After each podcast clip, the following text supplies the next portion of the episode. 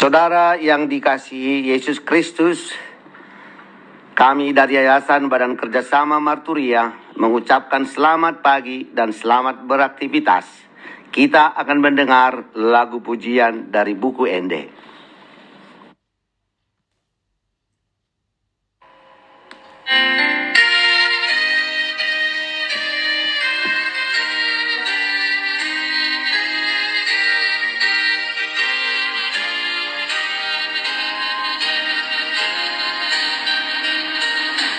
I kodobo anota barita devatata rurajai Dilehon anak sasadana manobus pardosai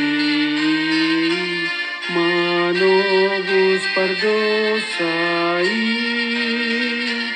I know thee Ricardo Hatiurun Nunga sapuna holomi Kuasani Kristus hotopong Saleleng leleng nai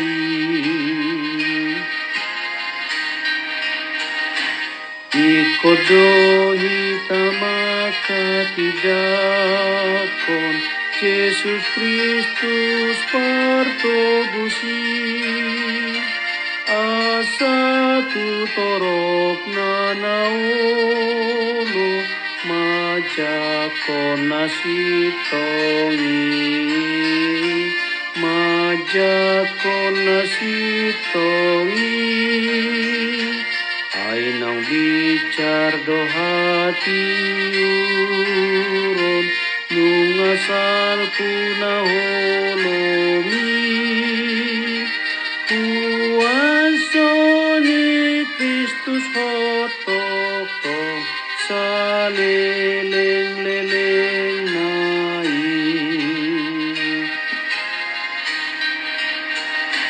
Kita harus membawa berita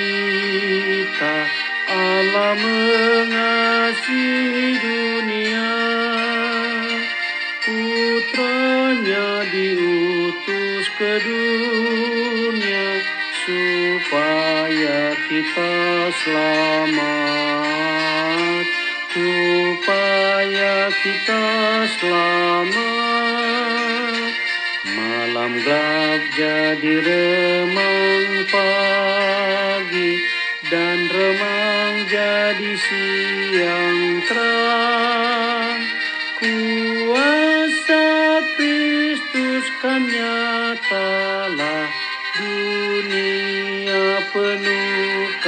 kasihnya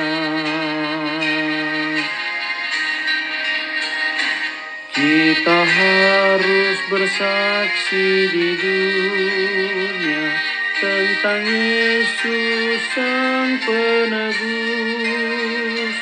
supaya makin banyak orang percaya Sang Penebus. Percaya Sang Penebus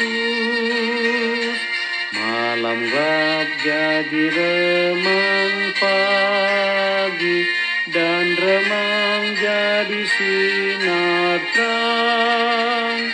Kuasa Kristus kan nyatalah Dunia penuh kasihnya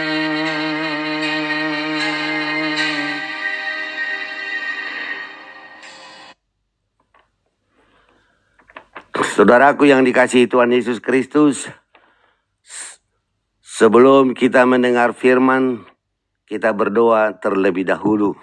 Allah Bapa di sorga yang kami sembah, yang kami puja, yang kami muliakan, kami bersyukur, bersuka cita karena kasih setiamu Tuhan. Kami rindu untuk mendengarkan firman-Mu, karena firman-Mu nasihat pedoman kekuatan kami. Berfirmanlah engkau Bapa kami siap mendengar. Dalam nama Yesus Kristus kami berdoa dan bersyukur. Amin.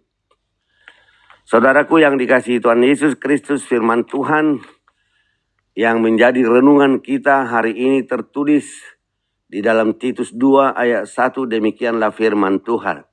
Tetapi engkau beritakanlah apa yang sesuai dengan ajaran yang sehat. Adapun tema beritakanlah ajaran yang sehat.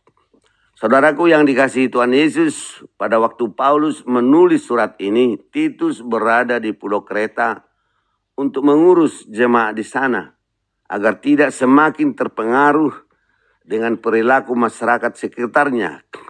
Karena dalam Titus ayat pasal 1 ayat 12 dikatakan orang-orang kereta pembohong, binatang buas, pelahap yang malas. Dan di pasal 1 ayat 16 dikatakan mereka berkata bahwa mereka mengenal Allah padahal perbuatan mereka menyangkalnya. Mereka menjijikkan dan mereka tidak mau taat mereka adalah orang-orang yang tidak mampu melakukan sesuatu yang baik. Saudaraku, karena itulah di pasal 2 Paulus mendesak agar Titus mengajarkan ajaran yang sehat. Keadaan jemaat yang begitu rusak hanya dapat diperbaiki melalui pemberitaan ajaran yang sehat. Ajaran sehat adalah ajaran yang baik dan benar, yang bersumber dan berdasar pada firman Tuhan yang menjadikan hidup manusia yang telah dirusak dosa dapat sehat kembali. Mengajarkan ajaran yang benar dapat menyehatkan jemaat Tuhan dan semua bidang kehidupan masyarakat. Ajaran dapat dikategorikan sehat bila ajaran itu baik dan benar dan membuahkan hidup yang baik.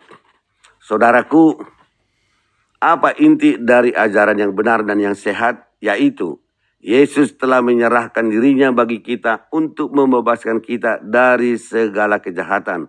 Titus 2 ayat 14. Sehingga kita harus menghargai kasih karunia dalam Yesus Kristus. Dengan ajaran yang sehat, maka kita tidak akan mengutamakan peraturan-peraturan pantangan dari dongeng-dongeng Yahudi kuno yang membuat kita menjadi pembohong dan pemalas. Dan para laki-laki tua dan ayah perempuan tua atau ibu, orang-orang muda dan anak-anak bahkan para hamba atau pembantu akan hidup menurut firman Tuhan, melakukan perbuatan yang berkenan bagi Tuhan dan menyukakan orang lain. Ayat 2 sampai dengan 10. Saudaraku, di tengah zaman kita yang penuh perilaku tak benar ini, kita semua terpanggil untuk hanya menuruti ajaran yang sehat dan rajin mengajarkan ajaran sehat itu kepada semua orang, terutama anggota keluarga kita. Mari kita berdoa. Bapa di sorga, kuatkan kami hanya menerima ajaran yang benar dari firman-Mu dan mengajarkannya kepada keluarga dan sesama kami. Amin. Selamat pagi, saudaraku. Semangat. Tuhan Yesus memberkati.